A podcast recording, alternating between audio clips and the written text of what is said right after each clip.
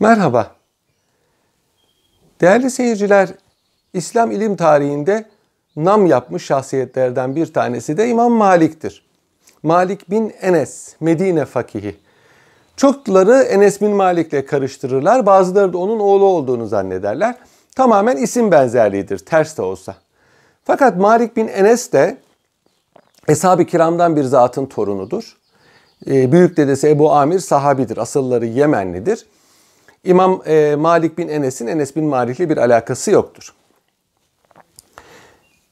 Enes bin e, Malik e, Enes bin Malik Hazreti Peygamber'in sahabilerinden ve onun hizmetkarıdır. Çok hadis-i şerif rivayet etmiştir. Basra'da yaşamış ve orada vefat etmiştir.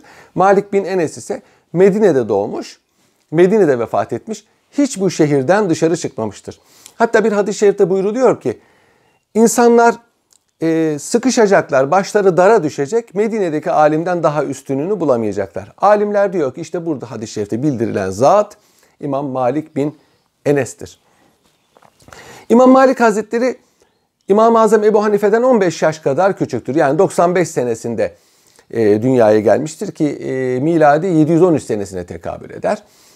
E, Medine'de bir e, ilim çevresinde yetişmiştir. Medine zaten Hazreti Peygamber'in hatıralarının yaşadığı bir şehirdir. Rebiatur Rey adında Rey ekolüne mensup bir alimden yetişmiş fakat en çok feyzini Abdullah bin Ömer'in azatlısı ve talebesi Nafi'den almıştır. İmam Nafi tabiini büyüklerindendir. İslam hukukçularının en önde gelenlerindendir. İmam Malik onun e, derslerinde yetişmiş ve büyük bir müştehit olmuştur. İmam Malik Hazretleri e, İmam Ebu Hanife Hazretleri Hicaz'dayken onunla da görüşmüş. Ondan hadis-i şerif rivayetleri vardır. Ve onun e, talebelerinden en azından ondan rivayetleri olduğu için onun talebelerinden sayılır. İmam Malik Hazretleri hiç resmi vazife almamıştır. Tıpkı İmam Ebu Hanife gibi. Kendisi tebe-i tabiindendir. Tabiinden değildir. Yani hiçbir sahabeyi görmemiştir. Bu cihette İmam Ebu Hanife'den ayrılır. Hayatını ticaretle kazanırdı. Ticaret yapardı ve bir yandan da talebelere ders verirdi. Evi önce camide ders verirdi. Daha sonra hastalandı. Hastalığı sebebiyle evden dışarı çıkamaz oldu. Basur hastalığı vardı ve devamlı kanaması olurdu. Ee, buna rağmen ders vermekten bir gün bile fari olmamıştır.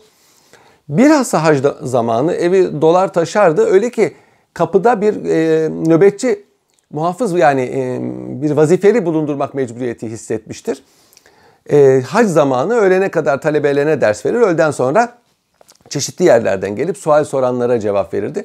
Böylece uzun bir ömür yaşamıştır.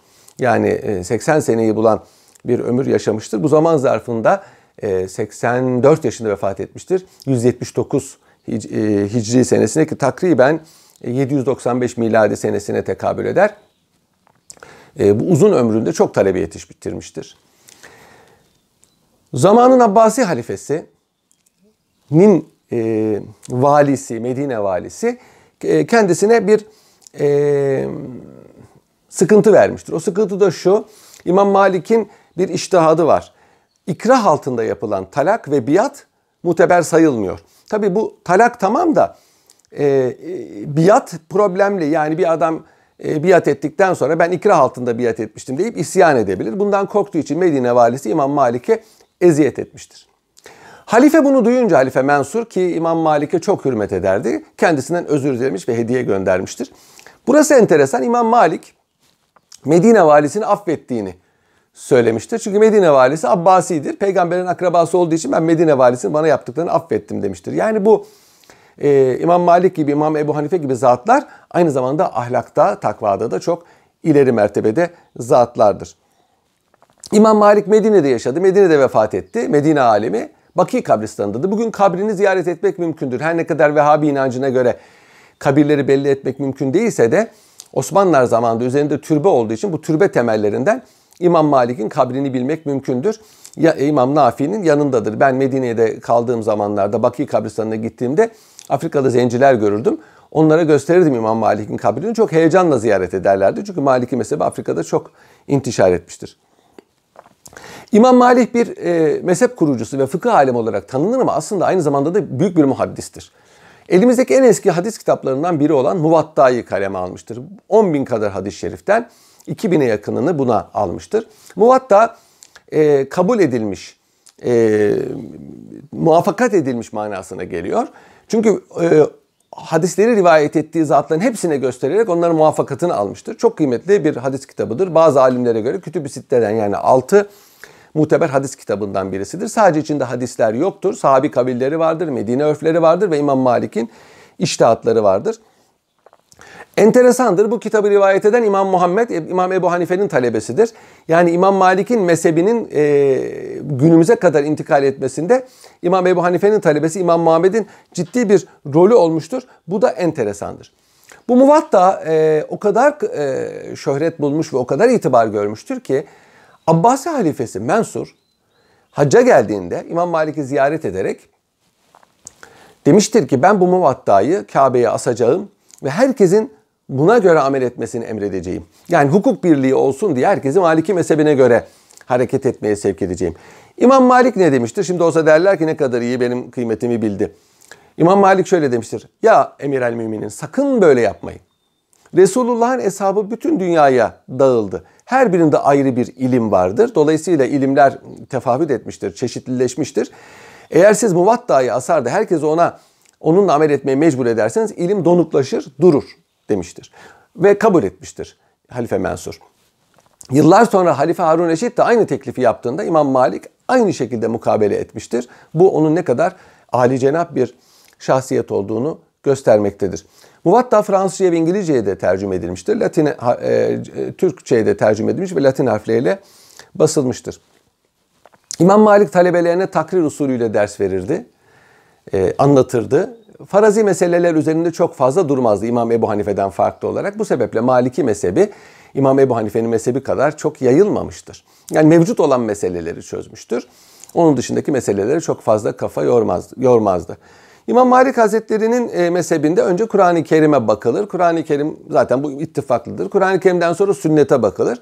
Sünnet hususunda İmam Malik mütesahil davranır. Yani İmam Ebu Hanife gibi e, titiz değildir. Yani kendisine ulaşan sünnet malzemesini sonuna kadar kullanır. Ondan sonra e, Eshab-ı Kiram'ın ve tabiinin icmağına bakar. Ondan sonra İmam Ebu Hanife'den farklı olarak Medinelilerin örfüne bakar. Medine halkının arasında bir örf varsa o örfe göre iştahat eder.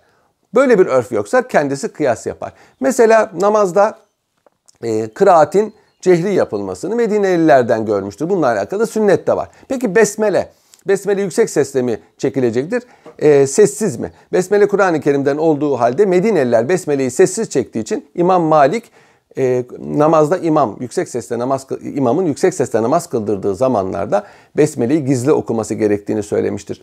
Mesela zekat verilecek e, yiyecek mallarının yani toprak zekatı verecek yiyecek mallarının iddihar edilebilir. Yani bir sene saklanabilir olması İmam Malik'e göre şarttır. Onun için mesela yaş sebzeden ve meyveden zekat verilmez İmam Malik'e göre ama buğdaydan verilir mesela veya kuru üzümden kuru hurmadan verilir. Bunu nereden çıkarmıştır? Medinelilerin amelinden. Neden Medinelilerin ameline bu kadar itibar ediyor? Şundan dolayı Medineliler Hazreti Peygamber'in hemşerileridir. Hazreti Peygamber burada yaşamıştır. Ee, İslam hukuku, şeriat burada gelmiştir. Kur'an-ı Kerim'in medeni ayetleri hüküm bildiren ahkam ayetleridir. Hazreti Peygamber de burada bir devlet reisidir. Onun için Medinelilerin arasındaki teamüller, adetlerin peygambere ulaşma ihtimali çok kuvvetli olduğu için İmam Malik bunlar bununla amel etmiştir. İmam Malik Medine Münevvere'den hiç çıkmadı. Hep Medine Münevvere'de yaşadı. Zaten ömrünün son zamanlarını sıhhat problemleriyle geçirdi. Çok fazla yemek yemezdi. Muzu çok severmiş ve hatta bazen günde tek bir muzla iktifa ettiği söylenir. Ortalama bir servet sahibiydi. Bu servetini hep hayır yolunda ve talebelerine harcamıştır. İmam Malik'in mezhebini onun önde gelen çok talebesi vardır ama onun önde gelen talebelerinden Esed bin Furat e, yaymıştır. Nişaburlu bir zat bu. Irak'a gelmiş. Ondan sonra İmam Malik'e talebe olmuş. İmam Malik'in vefatından sonra İmam Malik'ten duyduklarını Esediye diye bir kitaba almış. Ondan da Sehnun adındaki bir başka İmam Malik talebesi bunu İmam Malik'in diğer talebelerine arz ederek son halini vermiş ve El Müdevvene adıyla İmam Malik'in mezhebini anlatan bir kitap yazmıştır. El Müdevvene yazılı hale getirilmiş demektir. Ee, bu da çok muteber bir kitaptır. Bu da Fransızca'ya tercüme edilmiştir. Fransız sömürgelerinde kanun olarak tatbik edilirdi Afrika'daki Fransız sömürgelerinde. Esed bin Furat aynı zamanda enteresan bir şahsiyet. Sicilya e, ordusu kumandanıydı. Müslümanlar Sicilya'ya kuşattıkları zaman orada ordunun kumandanıydı ve şehit oldu Sicilya kuşatmasında. Sicilya Müslümanlar tarafından fethedilmiş ve 200 seneden fazla bir zaman Müslümanların hakimiyetinde kalmıştır. İmam Malik'in mezhebi e, ilk zamanlar Hicaz'da yayılmış olmakla beraber ondan sonra yavaş yavaş Hicaz'dan çekilmiş ve Kuzey Afrika'ya inhisar etmiştir. Endülüs, Mağrip yani bugünkü Fas ve Afrikiye yani Cezayir, Tunus, Libya Müslümanları bu e, mezhepte idi.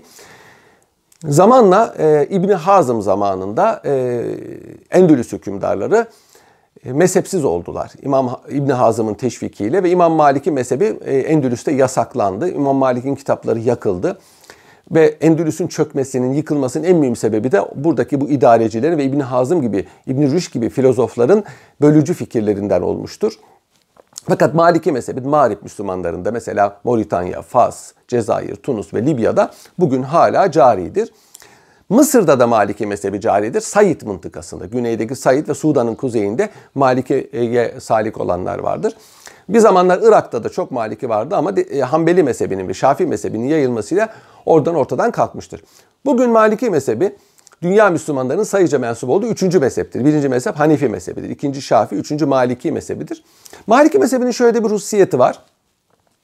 Hanefi kitaplarında der ki Hanefi mezhebine en yakın mezhep İmam Malik'in mezhebidir, Maliki mezhebidir. Bunda bunun çeşitli sebepleri var. Birincisi İmam Malik, İmam-ı Azam Ebu Hanife'nin talebesi sayılıyor. Çünkü İmam Ebu Hanife 7 sene Hicaz'da kaldı. İmam Malik de ondan ders dinledi ve rivayetlerde bulundu. Ayrı bir mezhebi olmasına rağmen. İmam Malik'in talebeleri daha sonra İmam Ebu Hanife'nin talebelerinden okudular. Mesela Esed bin Fırat İmam Ebu Yusuf'ta okudu. İki mezhep birbirine çok yaklaştı. Bu sebeple Hanefi kitaplarında der ki Hanefi mezhebinde bir meselenin halli, çözümü yoksa Maliki kitaplarına bakılır ve ona göre hüküm verilir. Mesela e, hiç adet görmeyen kadının yani bir kere adet görüp ondan sonra hiç adet görmeyen ama menopoza da girmemiş olan kadının iddeti Hanefi mezhebinde çok uzundur. 55 yaşına kadardır. Bu ise zor, çok zordur. Burada Maliki, Hanefi fakihleri Maliki mezhebine göre hüküm verirler ve 9 ay sonra kadının iddeti yani boşanma iddeti, ev, evlilik iddeti biter. Yine mesela kocası kaybolmuş olan bir kadının evliliği kocası 90 e, yaşına gelinceye kadar devam eder Hanefi mezhebinde. Bu ise kadın için zordur. Maliki mezhebinde 4 yıldır. E, kocası kaybolduktan sonra 4 yıl geçince kadın mahkemeye müracaat edip evliliği sona erdirebilir. Mesela bunlar Maliki mezhebine göre fetva verilen hususlardır. Mesela hakkın satılması Hanefi mezhebinde caiz değildir. Binaenaleyh e, ferah hava parası almak caiz değildir. Maliki mezhebinde bir haktan vazgeçmek para karşılığı caizdir. Mesela bir yerde kiracısınız. Kira müddetinizin bitmesine 4 ay var, 5 ay var. Birisi de orayı tutmak istiyor. Size diyor ki gel buradaki e, kiracılık hakkından vazgeç. 4 ay 5 ay senin orada oturma hakkın var. Ben sana şu kadar para vereyim. Bazen bunu e, mülk sahibi de söyler. Daha pahalıya kirayı verecektir veya kendisi kullanacaktır.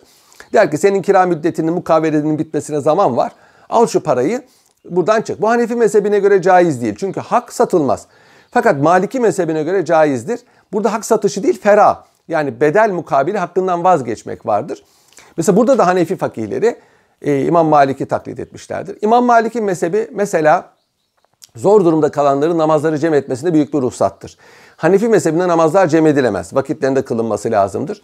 Ancak Maliki mezhebinde hastalık, sefer, korku gibi hallerde yani meşakkatli hallerde öğle ile ikindiyi bir arada öğle vaktinde veya ikindi vaktinde akşamla yatsıyı bir arada akşam vaktinde veya yatsı vaktinde cem etmek caizdir. Bu bir ruhsattır. Yine e, Hanefi mezhebi necasette biraz hassastır. Şafii kadar değilse bile dirhem miktarı necaset ki sıvılarda el ayasının alacağı kadardır. Katılarda 4 gram kadardır. Necaset namaza manidir. Maliki mezhebinde necaset namaza mani değildir. Maliki'de bir kavil necasetin namaza mani olmadığını söyler ki bu elbisesini temizleme imkanı bulamayanlar için bir ruhsattır. Yine mesela Hanefi mezhebinde özür sahibi olmak çok zordur. Mesela bir yeriniz kanadı. Kanamak Hanefi mezhebinde abdesti bozar. Maliki mezhebinde bozmaz. Maliki'yi taklit ederek bir yeri kanayan, durduramıyorsa, abdest alamıyorsa Maliki'yi taklit edebilir. Yel kaçıran, idrar kaçıran kimse Hanefi mezhebine göre özürlü olması için bunun bir namaz vaktinde devamlı gelmesi lazımdır. Bu ise bazen çok zordur. Halbuki Maliki mezhebinde kısa bir zamanda gelmesi onu özürlü yapar ve özürlü olarak ibadetlerini yapar, namazlarını kılar. Bu sebeple Maliki mezhebi pek çok hususta çıkış yolu olduğu için Hanefi fukahası tarafından adeta Hanefi mezhebinin bir alt şubesi olarak e, tatbik edilmiştir. E, bu da tabi e, Hz. Peygamber'in ümmetin alimlerinin ihtilafı rahmettir. Hadisi şerifinin bir tecellisi olarak görülebilir. Hoşçakalın.